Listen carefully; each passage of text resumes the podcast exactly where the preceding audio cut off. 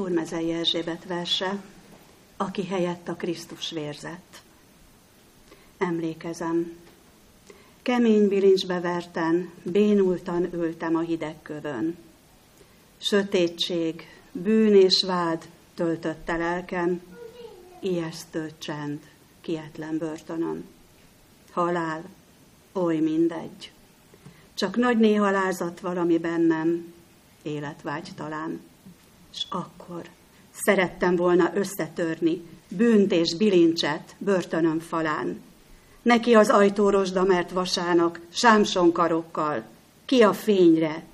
Ki, ahol szabad mezők újongva várnak, és ahol az élet szent magvát veti. Néha. És máskor rémek, megremegtem. A szívemen kemény hideg marok, egy síron túli hang titkos hívása. Jöjj, jöjj, barabbás! Nem, nem akarok. Barabbás, ha, már nem a rém hívása, ezer torokból tör ki, ó, elég, ez a halál. Jön értem, síromássa, és nem kiálthatok felé, nem ég. Most súlyos léptek fegyvercsörrenése, csikordul az ár, szoborrá dermet minden tagon, egy érdes hang. Barabbás, szabad lettél, le a bilincsel. Először, mint egy álom, telehulnak mégis. Tántorgó lábaim előtt kitárt kapu áll. Ott kin vár az élet, rám vár, előre, hadd köszöntsem őt. Merre? Hová? Nagy, céltalan örömmel rohantam, míg nem bőrztömegbe vitt, zúgó tömegbe torpant meg a lábam. Pilátust láttam, népem véneit, és ott állt egy ember. Nagy, szúró tövissel megkoronázott, véres, tört alak. Vállán vörös palást, kezébe látszál hogy le nem roskad ennyi kín alatt. Gyönge, törékeny, vad lelkemmel érzem, szeríd, egészen más, mint én vagyok. Arcán csend, nyugalom, megtört szemében földön túli fény ragyog. Ki ez az ember? Megkövülten állok. Én rám tekint.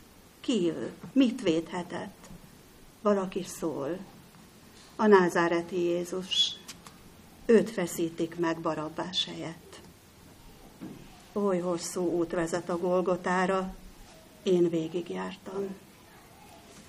Két lázas szemem oda tapadt vonagló alakjára, ott égett minden gyilkoló szegen, és nem tudtam többé levenni róla. A szemek fénye, az a szent ajak, a hulló vér. Múlott a perc, az óra, felejthetetlen percek és szavak. A szívemen gigászi nagyra nőttek láttán, kemény, hideg gránit hegyek. Helyettem. Én helyettem, én helyettem, hogy én éljek, hogy én szabad legyek. Mikor utolsót vonaglott a teste, mikor már minden elvégeztetett, mentem alá a gyász hegyéről én is, és ölbe vettem egy síró gyermeket. Megsimogattam. Lázadó kezemmel, mely azelőtt csak gyilkolt és rabolt. És akkor tudtam meg, hogy Barabás meghalt. Az ő testét fedi a sziklabolt. Már csak szeretni, símogatni vágytam, haladni csendesen, mint ő haladt, aki helyettem roskat le a porba, Golgota útján a kereszt alatt. Helyettem. Én helyettem, én helyettem. Ez a szó zengi át az életem. Napfénygyanánt ezt tündököl felettem, és ez nyitja meg a mennyet is nekem. Ki az? Ki zörget? kérdik majd. Barabbás, aki helyett a Krisztus vérezett. s kitárják akkor újjongó örömmel a gyöngykaput, fehér angyalkezek. Amen.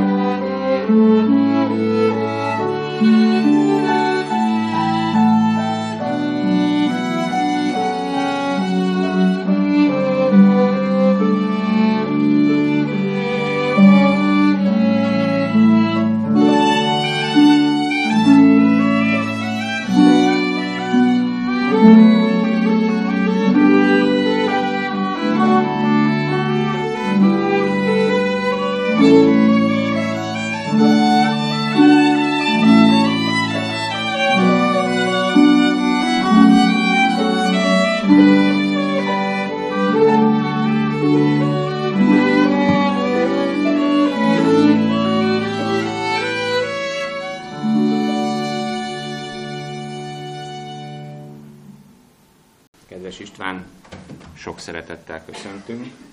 Íme a gyülekezeted, áldja meg az Úr a te szolgálatodat. Nagyon szépen köszönöm.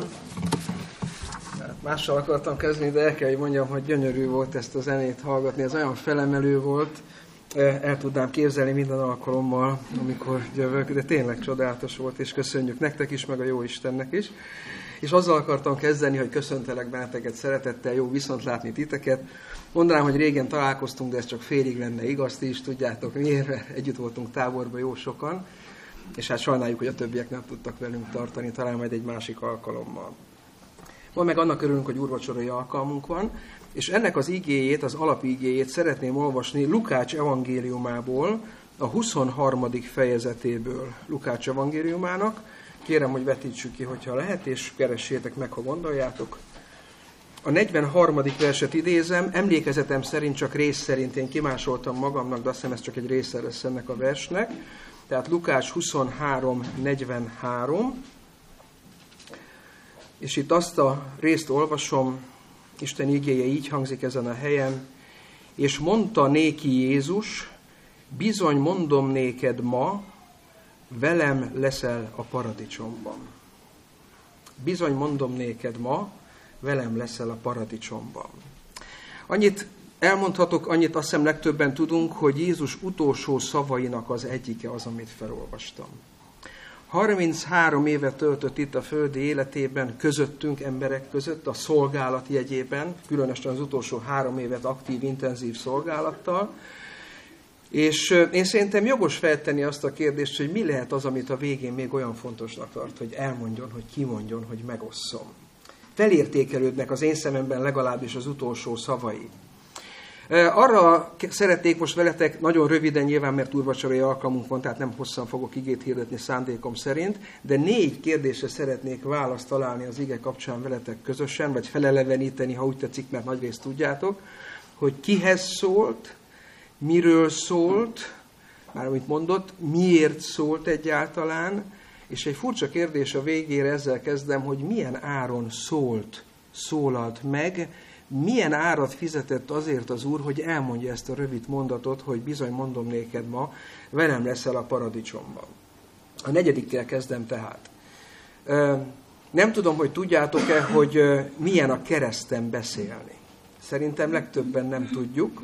Én egyszer erről olvastam, meg lefordítottam egy cikket, egy, az amerikai orvostársaság, nem biztos, hogy ez a hivatalos neve, van nekik egy hivatalos lapjuk, a JAMA ez a neve a rövidítésének a szervezetnek, és valamikor a 80-as, 90-es években született egy orvosi cikk arról, hogy amit most tudunk történetileg a korabeli kivégzési módszerről, a keresztrefeszítésről, meg amit ehhez nekünk hozzáad apró információkat a Biblia, kezdve a korbácsolással, amit bevezetése volt ennek a kivégzési hát módszernek, azt kell, hogy mondjam, hogy ezek alapján orvosilag elmagyarázták, hogy mit élhetett meg egy keresztre feszített ember, mit élhetett meg az Úr Jézus Krisztus, mint az ember fia keresztre feszítve.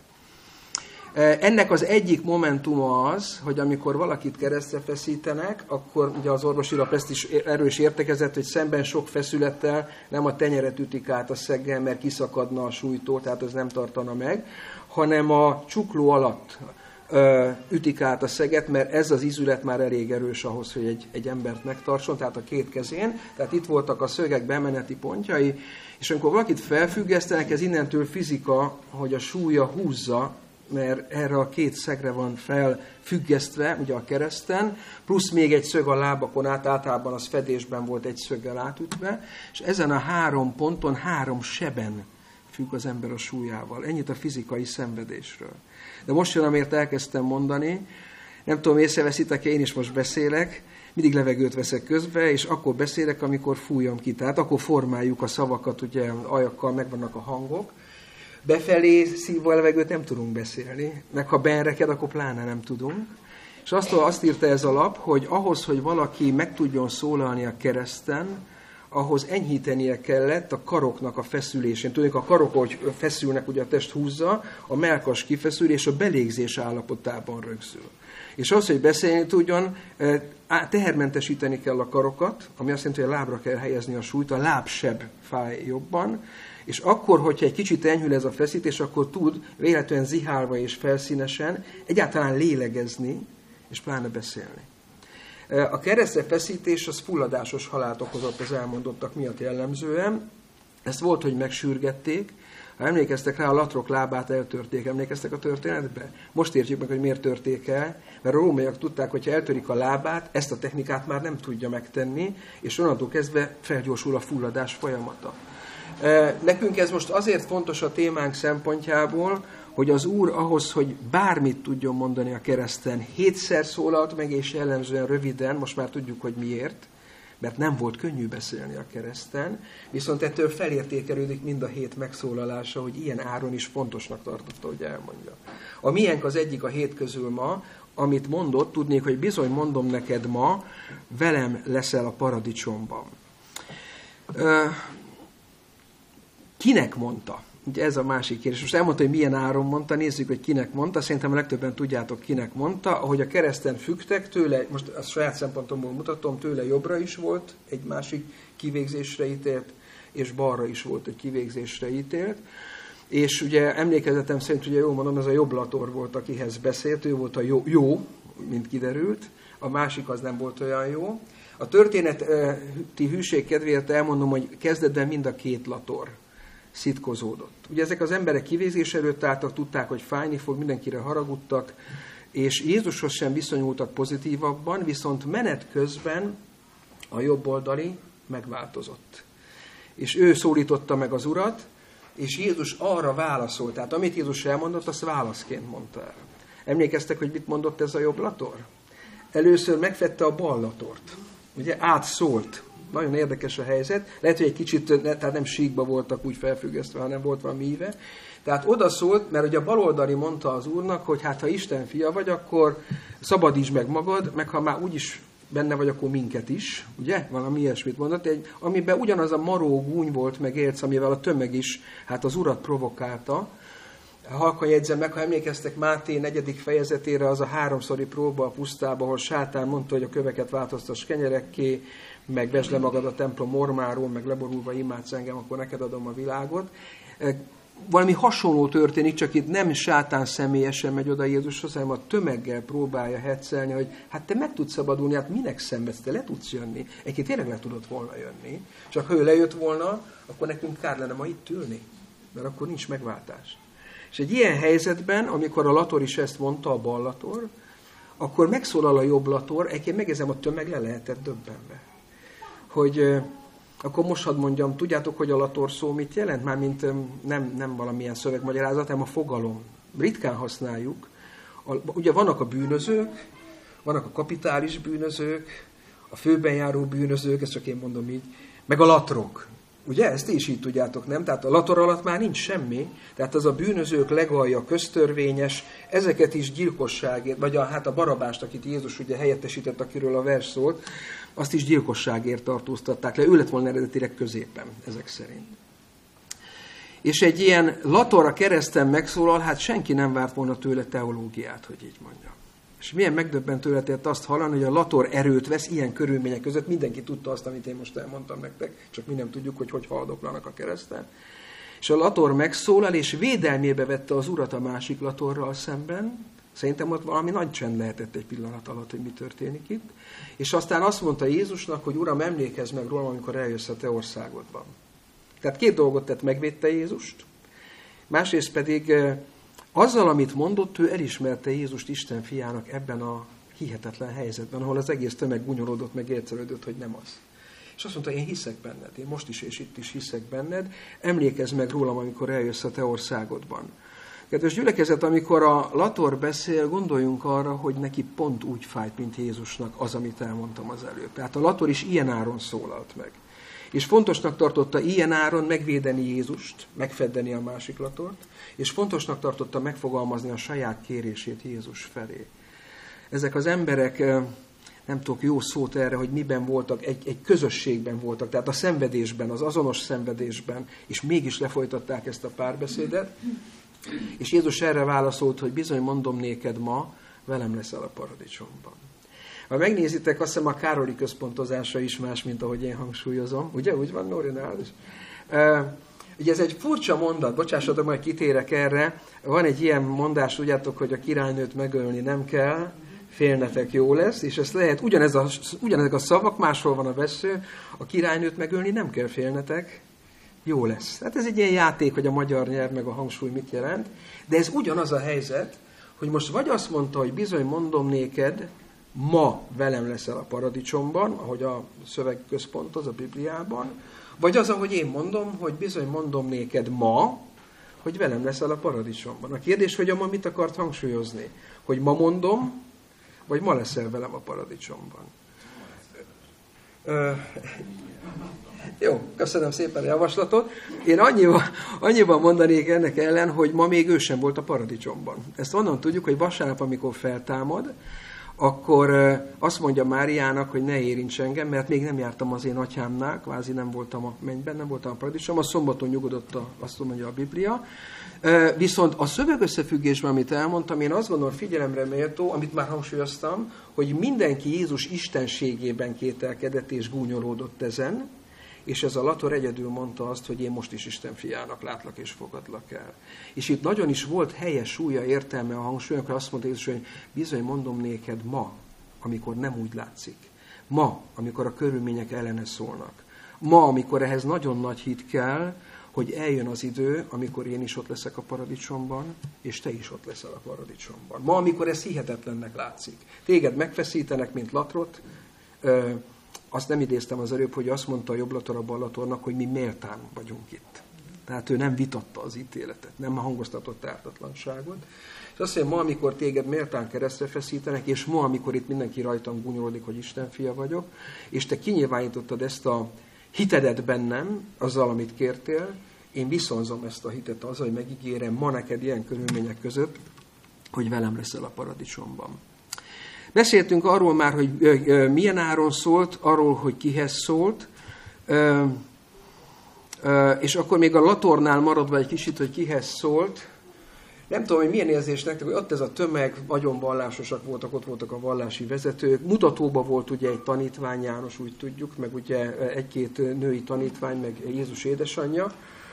És ebben a tömegben pont a Lator volt az, akit kitüntetett elsősorban, nyilván később vagy, szólt Jézus a Jánoshoz, meg Máriához is, de egy ilyen tömegben a Lator volt a kitüntetett, és ő kapta az ígéretet. Amire nem számítanánk talán. Azt mondja a Biblia, hogy Jézusnak még a Latorra is gondja volt, azért, mert van az az íge János 3.16-ban ismeritek, hogy Isten az ő egyszülött fiát adta, hogyha valaki hisz ő benne, legyen az bárki. És akkor most látjuk, hogy mennyire bárki. Lehet az egy lator. Lehet egy olyan életút, ami után maga az ember mondja azt, hogy megérdemli a keresztefeszítést, ami a legbrutálisabb és legmegalázóbb kivégzési forma volt a rómaiaknál, amennyire tudom. Magyarul erre mondom, hogy kapitális bűnöző volt, és ő nem tagadta. És azt mondta az úr, hogy de őt, őt is megmenteni jött. A valaki hisző benne, az a latorra is érvényes. És úgy érzem, kedves gyülekezet, most az úrvacsora jegyében, meg kell erősítenem, hogy ez ránk is érvényes. Jó, lehet, hogy mi nem csináltunk olyat, mint a Lator, de gondolom, hogy minnyáján úgy jöttetek ide, hogy felkészültetek az úrvacsorára, számot vetettetek magatokkal, az Istennel, a lelkiismeretetekkel, és ilyenkor megkísértett bennünket az, amit Pál olyan szépen fogalmaz meg, hogy a bűnösök közül első vagyok én. Pedig ott voltak latrok is a bűnösök között. De akkor egészséges az ember lelke, ha nem mentegeti magát, és nem a többiek bűnén botránkozik meg, hanem azt mondja, hogy nem tudom, a többiek mit csináltak, és az az igazság, hogy nem is érdekel. Nekem az fáj, amit én csináltam. Azt mondja Dávid a Zsoltárban, hogy egyedül te ellened védkeztem. Hibásnak tartom magam, és nincs mit mentenem rajta. És nem hasonlítgatom magam a mások, másokhoz, meg a mások hibáihoz. Kedves gyülekezet, hogyha oda jutottatok, hogy titeket már nem a mások bűnei foglalkoztatnak, hanem a saját zavar, és annyira zavar, mint Pát a sajátja, akkor jó úton vagyunk. És nem az a következtetés, hogy én olyan rossz vagyok, és olyan hibákat követtem el, meg újra, meg újra, hogy nekem nincs jogom az úrvacsorában részt venni, hanem pont azoknak van szüksége az úrvacsorára, akik erre a felismerésre eljutottak. Ne tartson vissza benneteket semmi, eh, semmilyen ilyen önvád az úrvacsorától. Az jó, hogyha működik a lelkiismeret, de Istennek nem az volt a szándéka, hogy a lelkiismerettel visszatartson bennünket a, a kegyelemben való részesüléstől. Az Úr azt mondta, hogy ő konkrétan a bűnösöket megmenteni jött, ez a, bocsánat, modern szó, ez a projekt lényege, ez a, ez a cél, és nem igazakat akart hívogatni megtérés, azonnak nincs szükségük megváltóra, már ha lennének igazak, mint ahogy nincsenek. Ö, ugye arra, arra már próbáltam választ találni veletek, hogy milyen áron szólalt meg, ugye ezt eléggé kitárgyaltuk, átgondoltuk. Ö, Kihez beszélt? A Latorhoz, még a Latorra is gondja volt, még a kereszten is, még az utolsó pillanatban is. Nem úgy volt, hogy hát azért ez már az a réteg, akihez neki nincs mondandója, de van mondandója. És most jön a nagy kérdés, szerintem a fontos kérdés, hogy miért? De miért szólt neki? Miért tartotta fontosnak, hogy ne maradjon megválaszolatlanul az, amit a Lator kért tőle? Ide pár pontot felírtam, valószínűleg lehetne folytatni a sor, de mivel úrvacsorban nem akarom húzni az időt vele, egy pár szempontot engedjetek meg. Azért válaszolt a Latornak, mert fontos volt neki a Lator. A Lator is. Azt mondja pár, hogy Jézus Krisztusban nincs sem férfi, sem nő, sem szolga, sem szabad, sem kicsiny, sem nagy. Hagy mondjam, bocsánat, hogy sem Lator, sem nem Lator. Tehát, hogy folytathatná ő is a sort, hogy ezek a kategóriák Istennél nincsenek. Aki megtér, aki Istenhez kiált, az választ fog kapni. Ma is. Holnap is, ahogy folytatjuk az életünket, ha Isten megadja. A lator sem maradt válasz nélkül. És miért teszi ezt Jézus? Mert neki mindenkiért kár. Nála nincs személyválogatás. És miért nem? Mert ő tudja azt, amit mi nem tudunk, csak hallottunk, hogy mi vár azokra, akik nem lesznek az ő oldalán, és nem tudnak vele együtt győzni. Ő minden embert meg akar menteni a kárhozattól, ami minden emberre vár, aki nem tud Jézussal egységre és közösségre jutni. Tudta, hogy mi lesz különben a sorsuk, a latornak is, ha, ha, ha nem kap megerősítést, és magamnak azt írtam ide egy ilyen képét bennem, amikor a vázatot írtam, hogy képzeld el, hogy hány kolóc a tengeren egy mentőcsónakba kapaszkodsz, már vannak benne emberek, és mások meg próbálnak bejutni, akkor te válogatsz, hogy te lator vagy, vagy nem vagy lator? Nem. Nem. Akit lehet, fogod a kezét és húzod a csónakhoz. Mindenkit megmenteni. Úgy elgondolkozok, kedves gyülekezet, bár nem ez a témánk, de hadd mondjam, mert hát érintjük itt a gondolatot, hogy ahogy Jézus Krisztus mindig, mindenkor, minden áron meg akart menteni minden embert, mert ez volt az értelme az itt létének, azt mondta Pilátusnak, hogy én azért születtem, és azért jöttem erre a világra, hogy bizonyságot tegyek az igazságról. De nem úgy ön, önmagában elméletileg, hogy most ez meglegyen, hanem azért, amit mond utána, hogy és aki az igazságból való, az hallgat az én szomra, és azt meg tudtam menteni. És én ezért jöttem. Kedves gyülekezet, ahogy az Úr az utolsó pillanatában is, mondhatnám, és majdnem szó szerint érteni, az utolsó leheletével is menteni akart. Egy olyan embert, akit világi szemmel hát a sor végére állítottunk volna a megtérők között is, mert Latorból lett megtérő. Jézus ezt az embert ugyanúgy meg akarta menteni, és a szöveg szerint ugyanúgy meg is mentette, mint téged vagy engem. Vagy a legkiválóbbakat, vagy Pát, vagy Luther. Tudjátok, nekem ők a nagyok, a, a két nagy oszlop, így alakult ki bennem. Azért, azért válaszolt, és azért szólt neki ilyen áron is, amit mondtunk, mert fontos volt neki a lator, pont olyan fontos volt, semmivel sem volt kevésbé fontos, mint mások. Azért válaszolt neki, mert az ő lényeg, lénye, lényege ez volt. Ő ezért jött, ahogy mondtam az előbb, már idéztem ugye a Pilátusi választ, vagy Pilátusnak mondott válaszát. Azért, mert a lényéből fakad, hogy egy ilyen kérdés nem maradhat megválaszolatlanul. Egyébként úgy elgondolkoztam, hogy tulajdonképpen bólinthatott volna is, nem? Tehát tartalmilag meg lett volna a válasz. Ez egy kicsit olyan nekem, mint amikor volt ez a bélpoklos ember, azt hiszem Máté 8-ban, ha emlékeztek, hogy oda ment Jézushoz, és azt mondta, hogy ha akarod, megtisztíthatsz engem. Ugye az egész tömeggel szemben felvállalt, mindenki elborzat menekült, mert bélpoklos volt. És Jézus mondhatta volna azt, hogy akarom, tisztulj meg. Végülis ezt mondta, de tudjátok még, mit mond a Biblia?